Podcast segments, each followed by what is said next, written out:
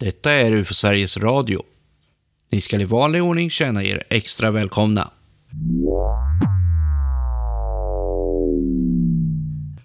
När UFO Sverige kommit så långt med rapportarbetet att vi kan lägga föregående år till handlingarna och sammanställa brukar statistiken visa några få, kanske en handfull rapporter som vi inte gått i mål med. Vad menar jag då med att gå i mål? Jo, som vi gör med alla rapporter. Insamlar, utreder, undersöker tills vi kan placera den under någon av de kriterier som vi ställt upp för att rapportarbetet ska kunna sägas vara genomfört. Vilket då i sin tur betyder att vi hittat orsaken till det inrapporterade. Eller om det är så att informationen i fallet varit så bristfällig att en utredning inte kunnat bli meningsfull. Övervägande majoritet av allt som rapporteras till UFO Sverige finner vi alltså ett svar på. Oftast i form av det vi kallar för misstolkningar, som då uppfyller kriteriet för IFO, identifierat flygande objekt. Men vad händer då med den lilla restmängd av rapporter som UFO Sverige inte går i mål med? Känner vi att vi har gjort det vi ska och rapporten ändå inte passar in så blir den betecknad UFO. Och UFO-rapporten blir nu ytterligare en grundläggande pusselbit för vidare forskning. Men uppdraget tar inte slut bara för att det finns ett UFO bakom en inrapporterad händelse. Det kanske kan te sig märkligt för en oinvigd att man inte nöjer sig med ett UFO. UFO i sig är rent definitionsmässigt något okänt och det är inget man strävar efter att finna, utan det vi vill ha svar på är vad som ger upphov till det fenomen som vi anar där bakom bruset. Dagens avsnitt ska vi samtala om hypoteser och teorier. Man kanske skulle kunna säga den del av ufologin som försöker förklara de genuina ufo-fenomenen.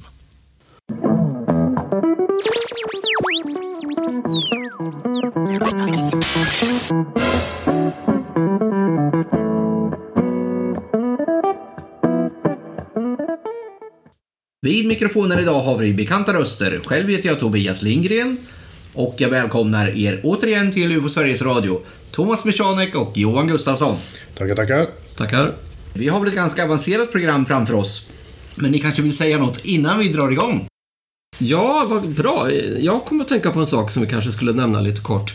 UFO-Sverige har ju bestämt sig för att hålla en medlemsträff i Göteborg faktiskt här den 24 augusti. Och det är alla UFO-intresserade välkomna att vara med på. Eh, vi har en del som är öppen för alla och en del som kommer bara, om bara för medlemmar i UFO-Sverige.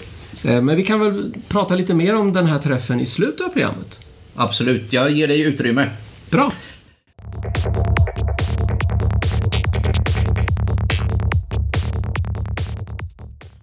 Vi har ju vid några tidigare tillfällen varit inne och nosat på det här med, med teorier och bland annat den så kallade ET-hypotesen. Alltså den förklaring till ufo-fenomenen som finns att finna i rymdresenärer som besöker vår planet. Lyssna gärna på vårt tidigare avsnitt om ET-hypotesen. Vad är det dessa teorier ska förklara? Är det bara de genuina ufo-fenomenen? Man kan väl säga som så att eh, det råder lite delade meningar om eh, hur stor del av fenomenet de olika teorierna ska förklara. Men eh, det finns teorier som man kan tänka sig kan förklara hela fenomenet. Det finns teorier som man kan tänka sig kan förklara delar av fenomenet. Det är lite både och sådär. I viss mån är det väl så också att den här mängden, alltså vi är många olika teorier och de vi tar upp idag här, de, de, de säger väl då egentligen att det rör sig om olika ufo-fenomen som har olika natur. Jo, men så är det ju. Det finns ju fenomen då som rapporter och observationer till exempel som inte innehåller varelser. Och då kan ju vissa teorier vara applicerbara. Men sen när det kommer varelser med i bilden, då är det andra teorier som så att säga faller bort. Så att eh, det beror absolut på vilken typ av fenomen det är som har observerats. Ja, en eh, oerhörd variation av eh, beskrivningar. Det är föremål av alla dess like. Det är olika former av fenomen. Man har inte bara olika former av farkost, man har farkoster och andra fenomen som mer kanske påminner om något slags naturfenomen och sådär. Så att det, det är väldigt variabelt. Och sen blir det ju till och med i vissa fall frågan om någon typ nästan lite andlig upplevelse också. Och då, som sagt, då är det svårt att hitta en teori som bara passar till allting. Om det är möjligt så får ni gärna exemplifiera med ufo-händelser som vi kanske känner igen. Annars tänkte jag börja med den här teorin som, eh, som jag nämnde lite av i introduktionen då, som jag kan tänka mig att många kan, missa lite av. Och eh, för att göra den rättvisa ska man väl kalla den för den socialpsykologiska teorin. Och då undrar jag då, är det så enkelt så att den teorin bara vill påvisa att det är misstolkningar det handlar om? Nja, riktigt så enkelt är det inte. I grund och botten så ja, då går den ut på det. Va?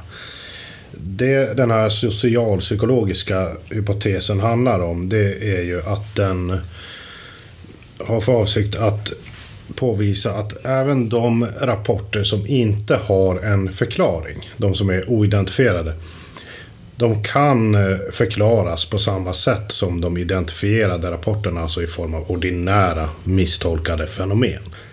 Det som vi kallar för genuina ufo-fenomen, i den här teorin så, så, säger de bara att vi har inte gjort vi har inte gått i mål, alltså vi har inte gjort tillräckligt mycket. Ja, där menar man att de här genuina fenomenen, de existerar inte. Utan i de oförklarade fallen, där finns det samma former av ordinära förklaringar. Men man har inte hittat dem på grund av att man inte alltid kan ha tillgång till all nödvändig information. Man kan väl säga som så att det här är en väldigt skeptisk eh, förklaringsmodell.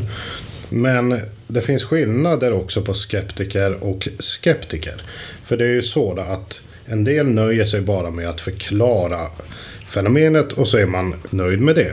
Många av dem som eh, lutar sig åt den socialpsykologiska förklaringsmodellen, de vill ju veta mer. Va? De vill ju veta varför såg folk det här? Även om det är misstolkning. Vad är de kulturella, de sociologiska bitarna som orsakar det här? Vad är alla de bakomliggande faktorerna som leder fram till att hela det här fenomenet skapas? Och det är ganska många i Europa som har valt att luta sig åt den modellen. Har du något att tillägga Thomas? Ja, jag känner ju en, en viss skepsis mot den här förklaringsmodellen för att det skulle innebära att i princip all, alla observationer där man verkligen sett något riktigt märkligt, till exempel då varelser som inte är människor, då skulle det vara någon form av ja, hallucination då eller liknande. Det känns väldigt... Eh, känns lite förminskande faktiskt mot vittnena kan jag tycka.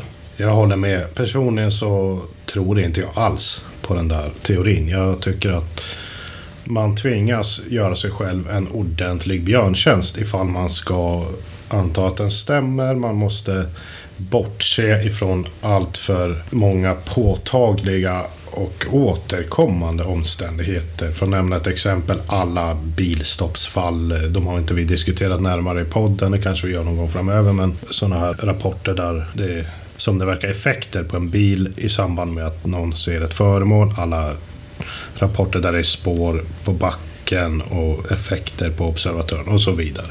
Det blir väldigt svårt att rymma inom den här modellen. Den kan väl möjligtvis förklara några få procent av de här oförklarade fallen. Om man känner att det kommer fram mer uppgifter från vittnet eller någonting sånt. Men eh, annars, nej, ja. inte personligen. Nej, jag håller med. De kan förklara en del av de oförklarade och en ganska väsentlig del antagligen av de identifierade rapporterna. Det finns socialpsykologiska faktorer inom mm rapportskörden och bland de som rapporterar. Inget snack om den saken. Men andelen av de genuina UFO-rapporterna kan inte appliceras på den socialpsykologiska teorin? Nej, det tror inte jag.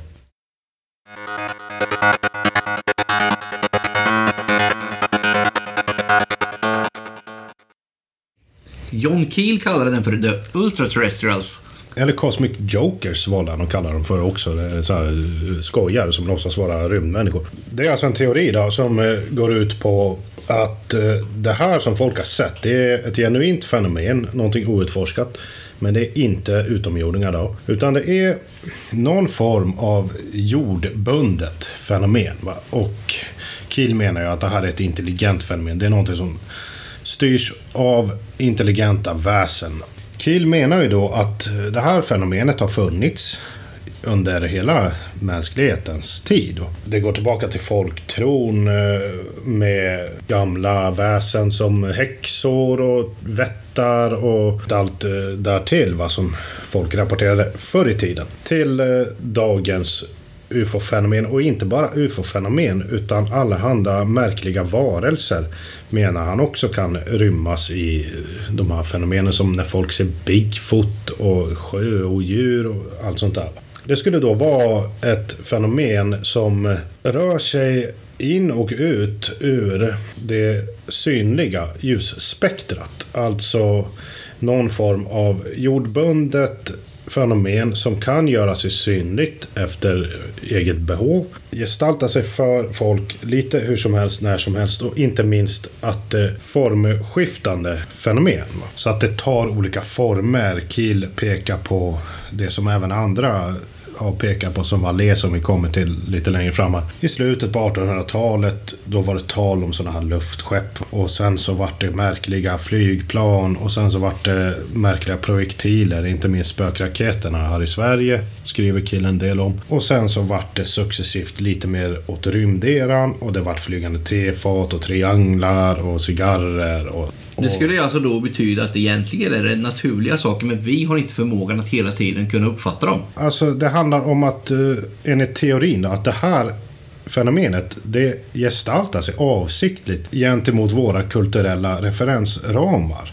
Det följer mänskliga inställningar till saker och ting. Förr om åren så tänkte man att eh, det man såg kunde vara ett skogsväsen. Jag menar, man hade inte referensen om att någonting kom från Mars eller från Venus eller utifrån överhuvudtaget. Då, då tog det här fenomenet sin form efter de eh, olika referenser som fanns då och det har fortsatt så ända in i nutid.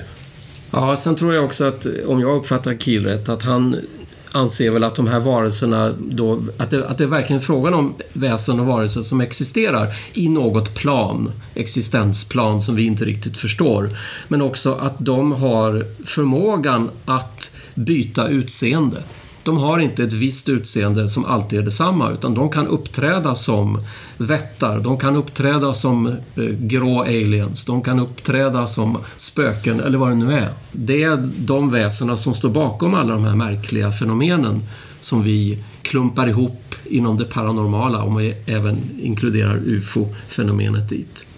Och han har ju väldigt intressanta teorier eller åsikter om hur de här ultra-terrestrials, som han kallar dem då, hur de egentligen fungerar. Att han anser att de på något sätt har utvecklats på den här planeten men att de är äldre än mänskligheten. Hans åsikt är också att de på något sätt utnyttjar människors energi för att själva få någon typ av energi. Det är inte fråga om föda. Han menar att de uppträder och genom de reaktioner de får från människor i form av rädsla och liknande, att det på något sätt ger dem energi. Att det är därför de håller på med det här. Det som han uppfattar då som skojare. Det som vi inte, som vi inte förstår. Varför, varför beter de sig på det här sättet?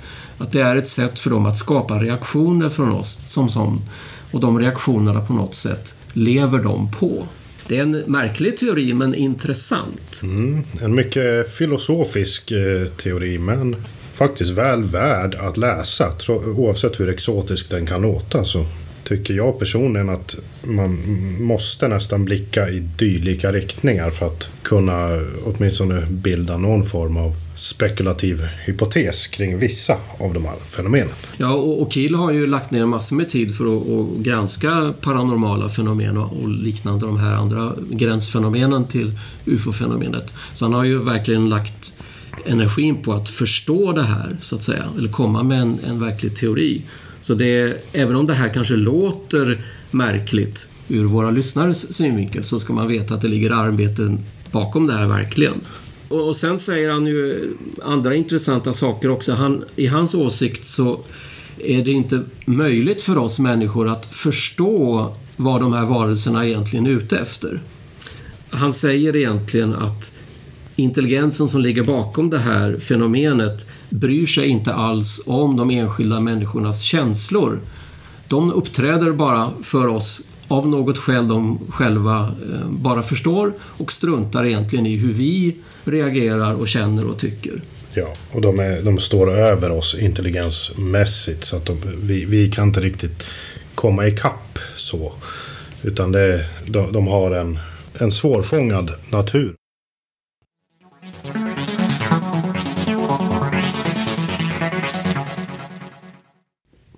Eh, du nämnde ju Jacques Vallée där och han hade väl ingen speciellt namngiven teori? Tycker du inte det låter långsökt om vi går över på hans? Nej, absolut inte, för den är väldigt angränsande. Folk brukar ju lätt klumpa ihop Vallées och Kiels teorier.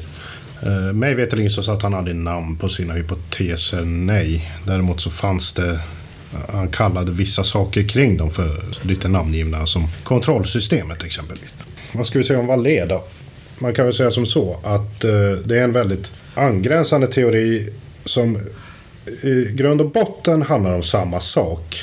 Det är ett eh, jordbundet eller interdimensionellt fenomen va? som kommer och går och som likväl har följt mänskligheten under hela mänsklighetens tid och tagit de här olika formerna då som Kiel pratar om det formskifte från folktro, väsen, troll, näcken, vättar och dylikt till ja, luftskepp och manifesterar sig i den tid vi lever i. Precis, det tar den form som... Som vi förstår för tillfället. Ja, som ter sig lämpligt under rådande omständigheter. Det, det var ju så att Vallée, han började ju den här teorierna i, kan man väl säga, i en av sina tidigare böcker som heter Passport to Magonia. Som ju är en, en klassiker i, i ufo-litteraturen som jag verkligen kan rekommendera folk att läsa. Och sen har han utvecklat den här teorin, bland annat ihop med J. Allen Hynek till att bli mer den här interdimensionella hypotesen som man kanske kan kalla den för. Och det som möjligtvis skiljer Vallée från Kiel är väl att Vallée är mer ute efter att det här är något slags, som man kallar kontrollsystem för mänskligheten. Och det är lite svårt att förstå vad han egentligen menar med det här. På det sättet kan man väl säga att han inte riktigt hör ihop med Kiels teori. När Kiel mer är ute efter varelser som har en egen agenda så är Vallée mer ute efter att det här är något slags system som ska kontrollera människans eh, medvetande på något sätt. Jag vet inte Johan om du har någon bättre förklaring? Det är eh, ungefär det som eh, jag också skulle säga skiljer Valé ifrån Kiel. Att Valé har utarbetat ett lite bredare syfte som bottnar kring människan. Om att det här fenomenet skulle vara mer syftat till att påverka människan. Och jag tycker väl att han har kommit lite längre i sina resonemang. Vad Vallée pratar om när han pratar om ett kontrollsystem, det är alltså, han pratar väldigt mycket om mytologin i ett samhälle. Och Vallée menar att kan man kontrollera myten i ett samhälle, då står man över politik och eh, forskning och allting sånt. För att väldigt mycket styrs utav mytologin i ett samhälle. Så Vallée eh, menar då att eh, det här fenomenet det försöker kontrollera hur mytbildningen utvecklas i vårt samhälle och styra mänskligheten på ett, som du sa, beteendemässigt plan. Genom att på sätt och vis gestalta sig på ett för oss fullkomligt irrationellt sätt.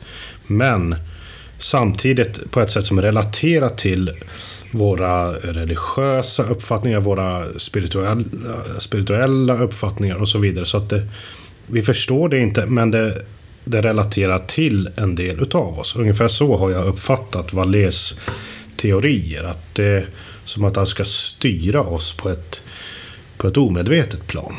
Men det låter som att det här inte kan existera oberoende av människorna då? Nej, det är väl så man kan... Alltså, det, det handlar inte om ett fenomen som är skapat av människan. Det, det säger aldrig Vallée mig veterligen, utan det är ett externt fenomen. Men vi kan nog anta att om hans hypotes stämmer och det inte fanns några människor på jorden, då skulle inte det här fenomenet heller existera här på jorden. Och det är också viktigt att, förstå att även om, om Vallée är ju också inne på att det i viss mån är ett fysiskt fenomen, så är ju inte UFO-farkosterna, om jag kallar det för det, några rymdfarkoster. Och man behöver inte fundera på hur har de här färdats genom rymden och så vidare. För det är farkoster då som rör sig genom, eller mellan olika slags verkligheter. Ja, de, här, de här varelserna och de här intelligenserna, de befinner sig på någon annan nivå, en annan dimension på något sätt. Som vi inte kan se och inte kan förstå. Vi kan ju ta ett exempel som Vallée själv understryker ganska tydligt i en av sina böcker. En landad farkost och den står på en väg va? och ut ur den här farkosten kliver en då sån här ufonaut, va? en besättningsman. Och han eh, ser ut som en vanlig människa. Han är klädd i någon slags vanlig klädsel eller uniform så han har en basker på huvudet. Och han beter sig helt normalt. Valé avrundar beskrivningen av den rapporten med väldigt enkla men jag tycker talande termer. Det här är ingen rymdman. Det är en människa vi ser. Det är en människa han beskriver. Den är klädd som oss. Den beter sig som oss. Den relaterar till oss. Det är ett kulturellt närliggande fenomen som vi kan förstå. Vad är sannolikheten för att en rymdmänniska skulle komma hit och se ut som oss, bete sig som oss, klä sig som oss? Det är någonting annat. Det är någonting som vill säga oss någonting. Det, det är ungefär det som är kontentan.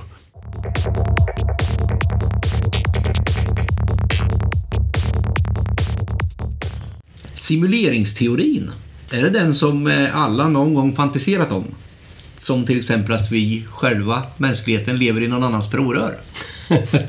ja, det kan man väl säga. Eh, simuleringsteorin eh, är ju egentligen inte en teori som handlar om UFOs i sig, men eh, det kan ändå bli applicerbart på, på fenomenet.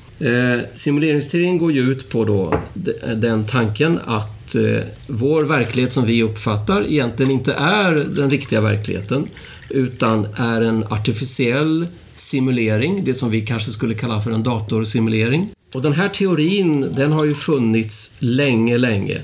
Idén att verkligheten är en illusion, det är väldigt, väldigt gammal. Men det är egentligen först med modern teknologi som man har formulerat det som en simulering. Och det går tillbaks till slutet av 50-talet, de första science fiction-novellerna som tog upp den här idén. Och sen har det väl nu i, i lite mer modern tid aktualiserats med Matrix-filmerna. Det är ju en klassiker nu, där eh, det påstås då att människan lever i en simulering. Och det intressanta med den här eh, teorin, det är att det faktiskt är en svensk filosof som har eh, skrivit en hel del om det här och tagit upp den här på agendan kan man säga inom forskningsvärlden. Han heter Nick Boström och bosatt i England och skrev 2003 redan en av, liten avhandling som heter Are you living in a computer simulation? Alltså, lever du i en datorsimulering? Teorin kan ju tyckas vara mycket märklig då. Vår värld skulle alltså inte existera som vi tror, utan bara vara... Eh, vi, våra medvetanden skulle vara inplacerade i en simulering.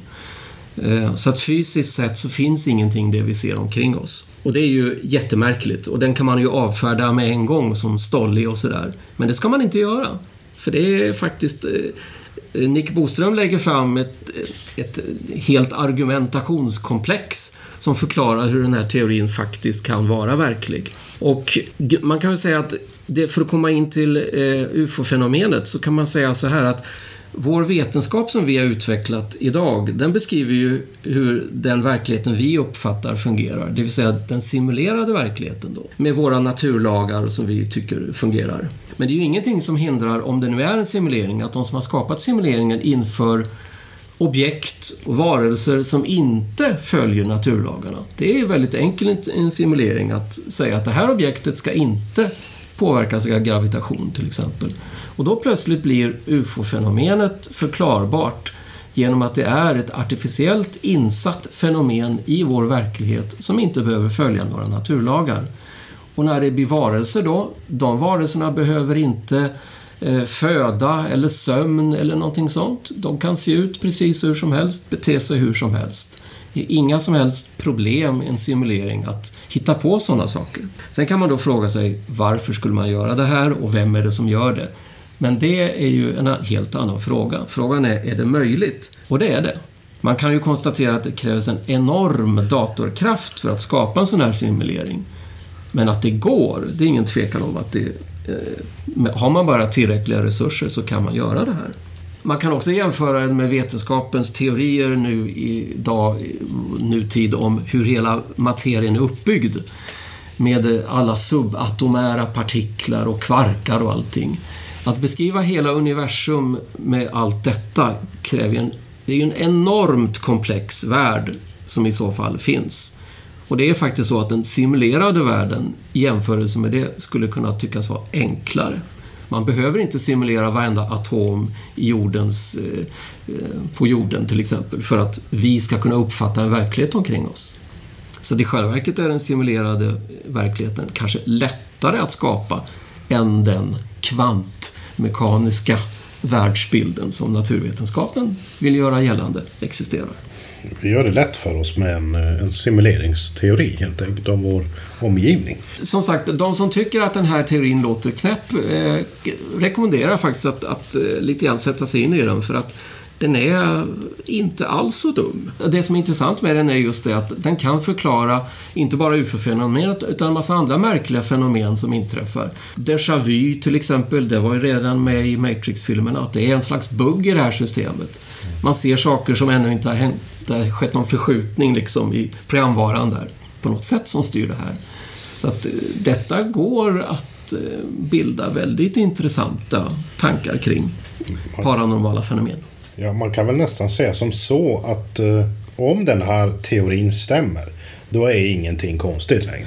Då, då kan ju precis vad som helst hända nästan. För jag menar, då lever vi i någon slags simuleringsvärld av något slag och, och då känns det som att det går att plocka in i princip vad som helst. Så... Allt som vi ser skulle då kunna vara kulisser i princip bara. Det som är bakom behöver ju egentligen inte finnas. Nej, precis. Nej. Eh, och då kan man ju naturligtvis argumentera, ja men om man börjar att gräva ett hål i marken till exempel, då finns ju jorden under. Där, ja, men då är det väldigt enkelt att eh, man behöver inte simulera allting hela tiden.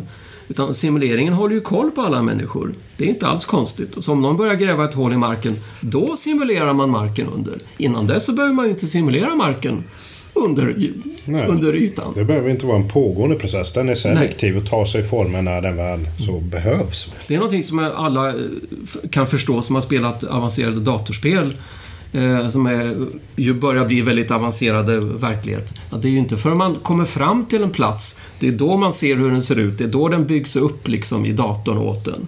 Den finns inte där från början. Så det är inget konstigt alls. Det enda som jag kan vara säker på, det är att jag själv existerar i någon form. För annars hade jag inte kunnat föra den här tankegången. Men inget annat kan jag känna mig säker på. Det är Descartes. Cogito ergo sum. Jag tänker, alltså finns jag. Det är en av de tidigare tankarna kring det här, absolut. Mm.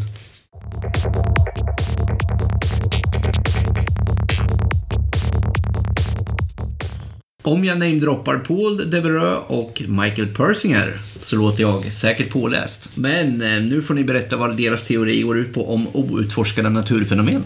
De är ju två närliggande undersökare kan man säga. Paul Devereux han har utvecklat det som kallas för kort och gott jordljusteorin och Michael Persinger, en kanadensisk ufolog och neurolog, har eh, utvecklat det som han kallar för the tectonic strain hypothesis.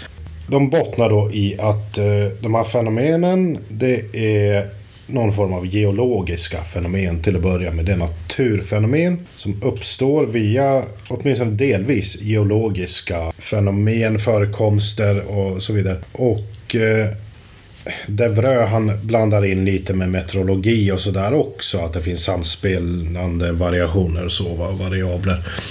Men Persinger då, han eh, pratar ju då om att det här fenomenet till stor del är knutet till seismisk aktivitet. Han menar exempelvis att man har ganska så svag seismisk aktivitet, svaga jordbävningar runt om en eh, plats. I samband med det så förekommer det då spänningar i jordskorpan och det gör det ju hela tiden, det vet man.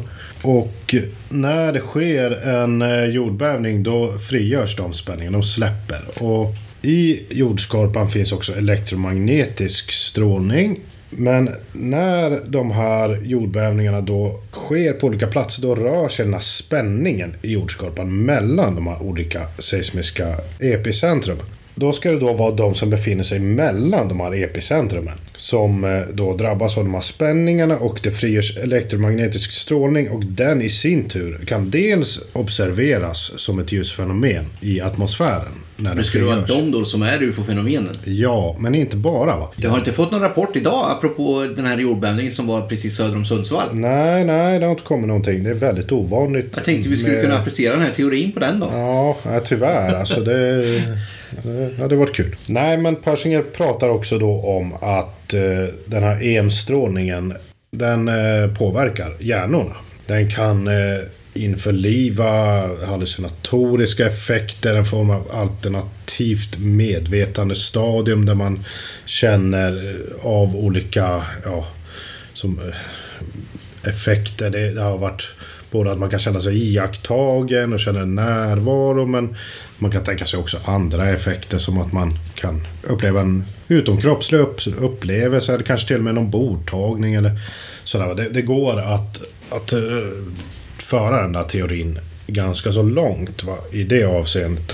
Paul Devreux pratar om liknande fenomen men eh, han är väl inte riktigt inne på just det där med strålningen, även om han är positiv till Persingers teorier så hans är lite mer strikt begränsad och är väldigt förknippade med förkastningszoner exempelvis. Att det är där de här fenomenen uppkommer och så vidare. Och han har till och med menat att vissa varelserapporter kan ha sin förklaring i att de här fenomenen helt enkelt råkar ta formen av en mänsklig gestalt. Och det är kanske lite mer av en slump i det exempel som han presenterade i en av sina böcker som heter Earthlights. Lite så ser det sammanfattningsvis ut. Och är det inte så att Devereux påstår att eh, de här jordljusen då, eh, att de till och med kan eh, ha en intelligens? Intelligens, ja. Och till och med skulle kunna, kunna ha telepatisk förmåga med människor och så vidare. Det, det blir ju lite mystiskt då. Han är lite mer mystisk kanske än Persinger. Ja, nej, men det, han, han har utvecklat det här och pratat mycket om, om sådana saker. Va? Att det, det, det ska kunna vara någonting som kopplas till oss på ett helt annat sätt. Så att de är inte helt identiska utan man kan eh, kategorisera dem kanske som två angränsande men olika teorier. Men de menar fortfarande att det är naturfenomen. Ja, naturligt uppkomna fenomen. Om man pratar om liksom naturligt att de skapas av eh, ja, Naturliga processer. Naturliga processer, ja precis. Ja, men när de här fenomenen längre inte är outforskade, om vi förstår dem, kommer de här fenomenen fortfarande, eller visa sig som exempelvis ufo-fenomen för observatörer? Ja, ja, det, det finns ingen begränsning så va, utan det är... Men kommer vi att kunna förstå att det är de här fenomenen som orsakar ufo-fenomenen? Ja, alltså vad man kan säga där är ju att om vi har förstått att det är de som ligger bakom, då behöver vi inte längre betrakta de här olika observationerna som mystiska eller oförklarade. Om man exempelvis tar Persingers teori som ett exempel, då kan ju fortfarande nästan allt hända när man påverkas av de här magnetfälten, va? elektromagnetiska fälten.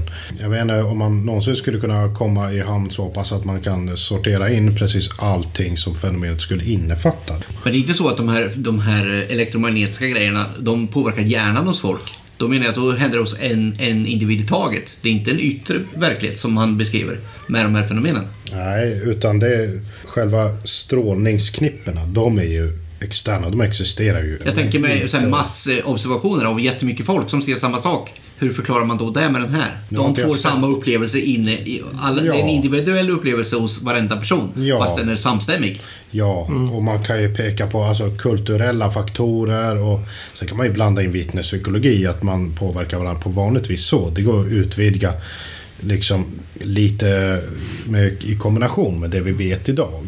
Sen är det i alla fall min uppfattning att just den här tanken om att elektromagnetiska fält kan påverka människan att eh, se saker, nästan hallucinera då, eller vad man ska kalla det för. Den är väl kanske inte direkt erkänd. Det finns väl saker som tyder på att det, det kan påverka människans psyke, ja, men i vilken form och i vilken utsträckning, det kanske är osäkert idag.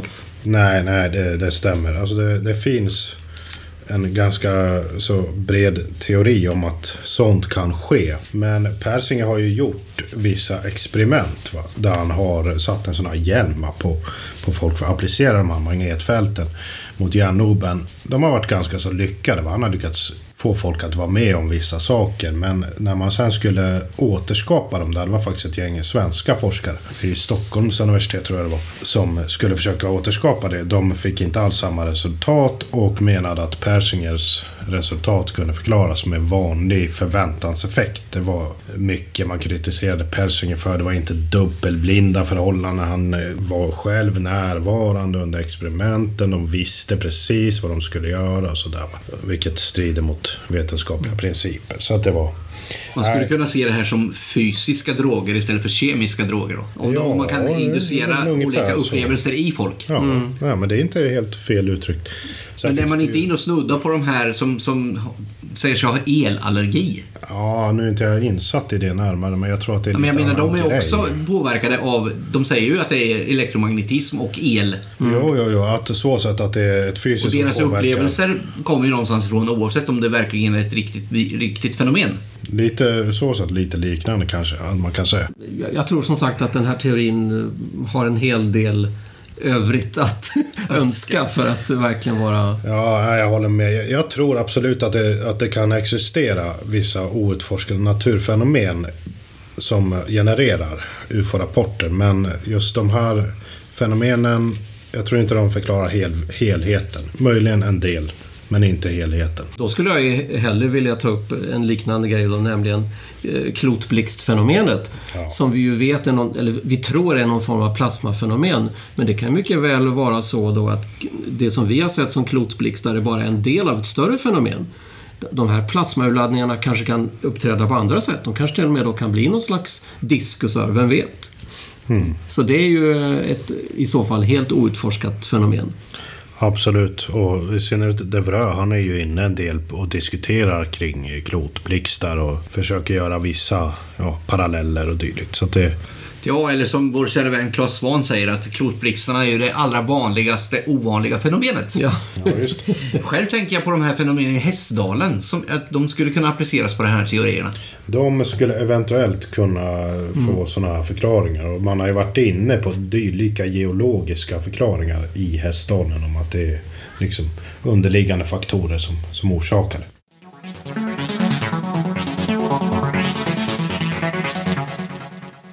Författaren H.G. Wells kom på slutet av 1800-talet ut med boken Tidsmaskinen. Han var sannolikt inte den första som hade sådana tankar, men visst är det något som teoretiserats om inom ufologin. Och nu åter aktualiserats av Michael Masters, alltså teorin om tidsresenärer. Ja, men den kom eh, ganska nyligen i en bok då, av Michael Masters som är en antropolog från USA. Han eh, hävdar ju så då att eh, efter att ha studerat ufo-fenomenet och närkontakter, ombordtagningar och så va, så tycker han sig känna igen det här beteendet ifrån mer eller mindre sin egen yrkesroll. Va? Föreslår någonstans att uh, det här är framtida tidsresenärer, eller skulle kunna vara. Och uh, de skulle kunna var ute på ett antropologiskt eh, uppdrag helt enkelt.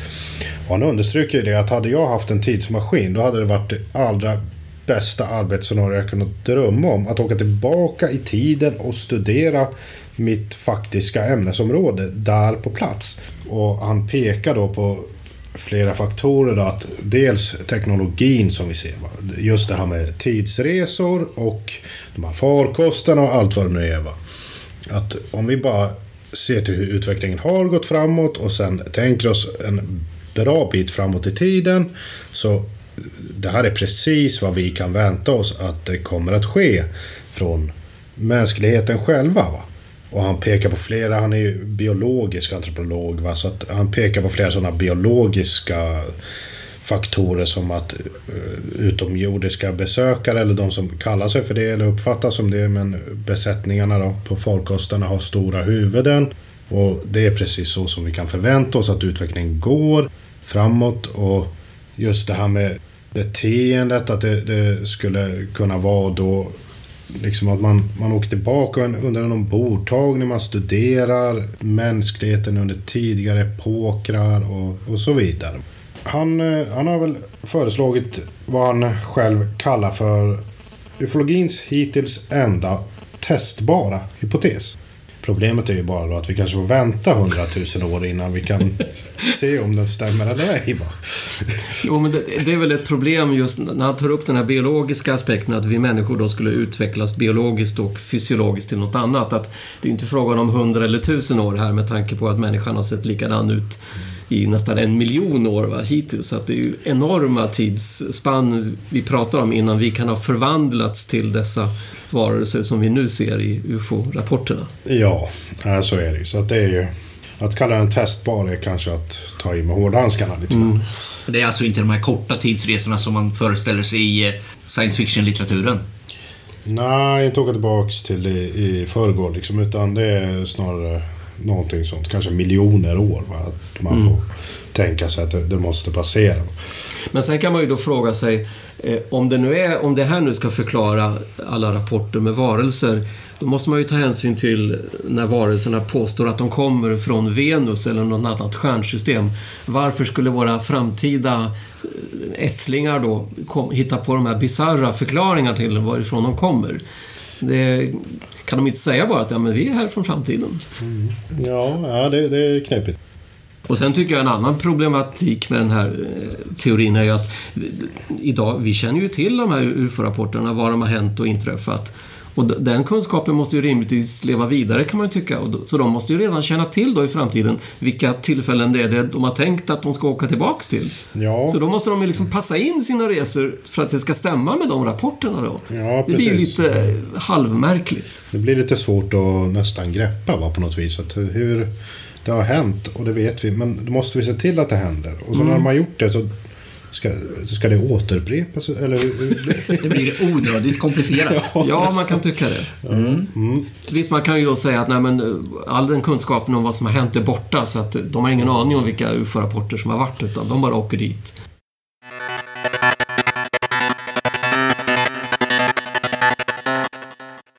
Vem vill säga något om den parapsykologiska förklaringsmodellen i det ufologiska sammanhanget? Eh, inom parapsykologin, när man exempelvis eh, ska förklara eh, det man kallar för apparitioner, alltså gestalter, när man sett ett spöke och sånt där. Då talar man väldigt mycket om att det är alltid en människa i fokus. Det här skulle inte ske om det inte var en människa där. Det är liksom någonting som man vill knyta till observatören i sig. Och det har man då spelat vidare lite på inom ufologin. Man har försökt göra vissa kopplingar till parapsykologiska teorier. En teori då är att man exempelvis då skulle ha att göra med någon form av projiceringsfenomen. Va? Och man är då inne på någon form av psykokinetiska effekter, alltså någon form av mental påverkan på vår omgivning. Och det skulle då ske någon form av projicering från oss själva i vår omgivning som då representerar de här UFO-fenomenen. Det finns väldigt mycket att säga kring det. Det skulle vara mycket att se till inom vårt undermedvetna om varför det blir som det blir och så vidare. Då, va? Men det skulle tänka sig vissa då kunna förklara både de här farkosternas eh, svårfångade beteende. De kommer och går och försvinner i tomma intet men även i vissa fall då lämnar fysiska spår och så vidare. Men det måste till en människa för att de ska hända. Det måste vara en människa. Det är en människa som är den faktiska orsaken bakom dem. Då kommer ju den naturliga följdfrågan. Mina katter kan ju inte kunna se UFO då? jo, fast det, man menar ändå att den här projiceringen, den, den, den görs av ett objektivt föremål i sin omgivning. Man manipulerar helt enkelt sin omgivning för att skapa ett halvfysiskt, parafysiskt fenomen kan man säga. Och då, då kan även andra se det i ja, så fall? Ja, precis. Inklusive Tobias katter.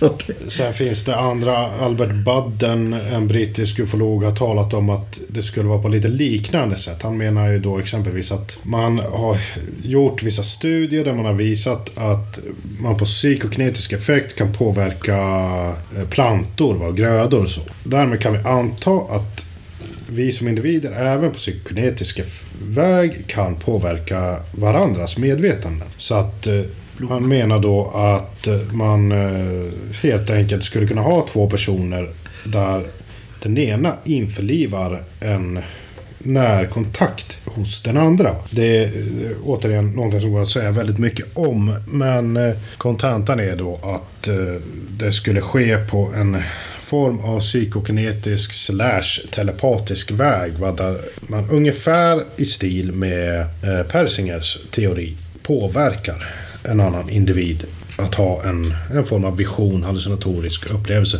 Men den här gången är det en människa som på psykokinetisk och lite telepatisk väg gör det här istället för det här elektromagnetiska strålningsknippet.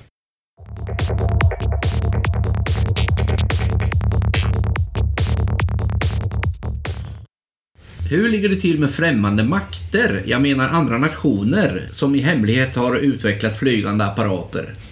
Kan man säga att det är en teori som skulle kunna appliceras på de genuina UFO-rapporterna? Eller är det bara en del av den här eh, socialpsykologiska teorin? Som exempel kan man väl nämna det här med att många föreställer sig att fenomenet med spökraketerna skulle komma från främmande makt. Jag, jag tycker att det är fel att eh, lägga det här i någon misstolkningskategori. Även om det nu skulle vara så att en militärmakt har ett, ett hemligt eh, vapen eller en hemlig farkost så tycker jag inte man kan kalla det för en misstolkning. För en misstolkning är ju någonting av någonting som är känt. Och är det inte känt då för att det är sekretessbelagt och hemligt, då är det ju egentligen inte en misstolkning. I alla fall inte i dagens läge innan vi känner till det här hemliga som utvecklas. Så jag tycker ju att det är en, en genuin förklaringsmodell, tycker jag, för UFO-fenomenen. Det pratas ju bland annat om det här eh, triangelformade eh, eh farkosten som USA då påstås utveckla och skulle ge upphov då till de här rapporterna om just triangelformade fenomen. Eh, och det är naturligtvis oerhört svårt att undersöka det här på något sätt och komma fram till att det skulle kunna vara på det här sättet. För att är det hemliga vapen och hemliga nya flygfarkoster så är de hemliga som sagt. Ingen lär erkänna att jo då, vi har dem. Men då skulle ju många av de här rapporterna då bli, bli eh, förklarade i efterhand. Medan här, den här tekniken då blir känd. Ja, alltså man kan kanske tänka sig att delar av eh, de eh, rapporter som tidigare förekommit skulle kunna haft sin, sin förklaring i form av sådana här olika flygplan som man testflög då under sekretessbelagda förhållanden. Sånt kan säkert ha skett. Och visst, jag kan hålla med om att eh, de, eh, de ska inte kategoriseras som en vanlig misstolkning då, utan de kan nog ses lite grann inom ramen, som du sa, för socialpsykologin. Men eh, det beror lite grann på hur de uppfattar det också tycker jag. Säger vittnet att jag såg någonting helt fantastiskt, jag är helt säker på att det var en farkost från yttre rymden. Då, då tycker jag ändå att man kan nästan kalla det för en misstolkning för då har han ändå gjort en så, så pass subjektiv tolkning på det han har sett som är helt åt fanders. Så att det, det blir ändå fel, även om man har beskrivit farkosten så som den såg ut. Så att det, han har uppfattat den korrekt ändå. Det, ja, gränsdragning där som är... För att säga någonting om den teorin så har jag mycket svårt att tro att den skulle förklara någon väsentlig del av de här riktigt märkliga rapporterna. Vi kan ju även ta det här aktuella eh, Nimitz-fallet när de här eh, piloterna såg det här stora föremålet som låg under vattenytan eh, eh, och var stort som ett normalt flygplan som de inte kunde förstå vad, de är, vad det var för någonting. Att det då skulle vara ett hemligt amerikanskt eh, vapen eller en flygfarkost som de till och med hemlighåller för sina egna militär eh, militär är ju lite märkligt kan man tycka. Då är det nästan då får man alltså börja tänka, är det kanske inte militären då som håller på med det? Är det någon civil forskningsgrupp som i hemlighet sitter och jobbar med alternativa drivmetoder och kommer fram med farkoster som de flyger runt med? Det är naturligtvis möjligt. Men hur tusan kollar man det? Ja, det är svårarbetat. Sen ska man komma ihåg att alla militära enheter har inte heller alltid koll på vad alla andra militära enheter gör. Nej. Det har ju hänt till och med i Sverige att saker och ting inte vet, andra ja, vet vad som exakt. händer och så vidare. Så det, det, är ju inte jättekonstigt. Men den här, den här teorin då skulle kunna kanske appliceras lite grann på spökraketerna då? Den är... Ja, det behöver vi nästan en egen podd känner jag. Det, vi, får, vi får ta en, en egen spökraketpodd framöver som vi, där vi diskuterar den möjligheten. Men alltså, jag tycker att man sammanfattningsvis kan säga att visst är det möjligt att militären eller andra grupper håller på och utvecklar nya farkoster med okända drivmetoder och som därmed kan ge upphov till UFO-rapporter. Men problemet är just hur identifierar man det? Ja, det får man väl nästan ta för, för troligt att det sker. Ja, Jag menar, vi, att, att, att militären vill hålla saker och ting hemligt tills det fungerar och så. Att man tränar och testar. Vi har ju ganska goda ingångar inom svenska försvaret som ge, ger oss en möjlighet att kolla flygtrafik och sånt. Men det är väl heller inte troligt att andra nationer skulle då öva och testa i ett annat land. Så den spökraketteorin då blir ju lite konstig. Då skulle de skicka iväg sina farkoster och krascha i sjöar och sen inte komma och hämta dem då.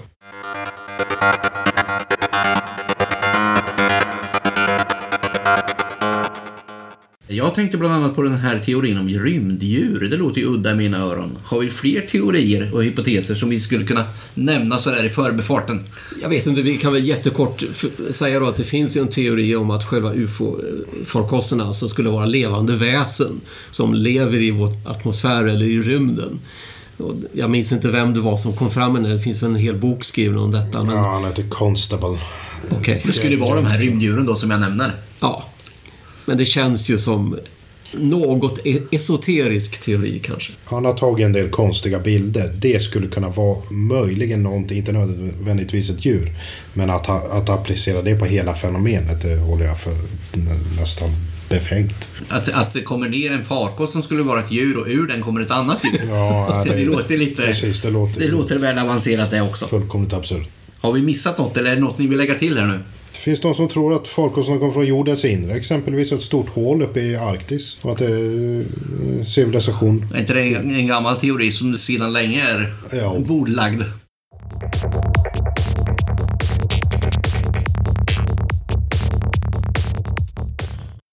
Vad vill ni höra i UFO Sveriges Radio framöver? Själv skulle jag gärna vilja höra mer om den där som kallas den franska vågen, som var en eh, mängd UFO-händelser i Frankrike under 1950-talet. Ja, men den är ju alldeles utmärkt. Jag, jag har ju tänkt på att det finns ju en, en händelse som kan tänkas bli ganska aktualiserad här ganska snart. Nämligen Ariel School i Zimbabwe.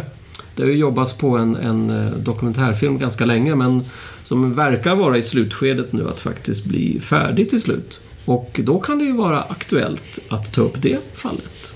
Det är ju ett välkänt fall.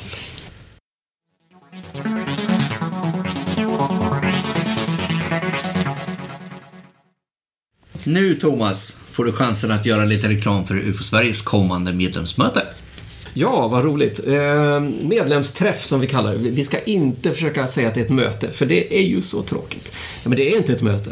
Utan vi i styrelsen i UFO Sverige kommer att befinna oss i Göteborg den lördagen den 24 augusti. På ett ställe som heter Allégården. För de som bor i Göteborg så eh, ligger det på Södra Allégatan nära vallgraven. Eh, vi kommer att börja klockan 13 eh, och hålla lite föredrag. Och det är öppet för alla, då behöver man inte vara medlem i UFO Sverige.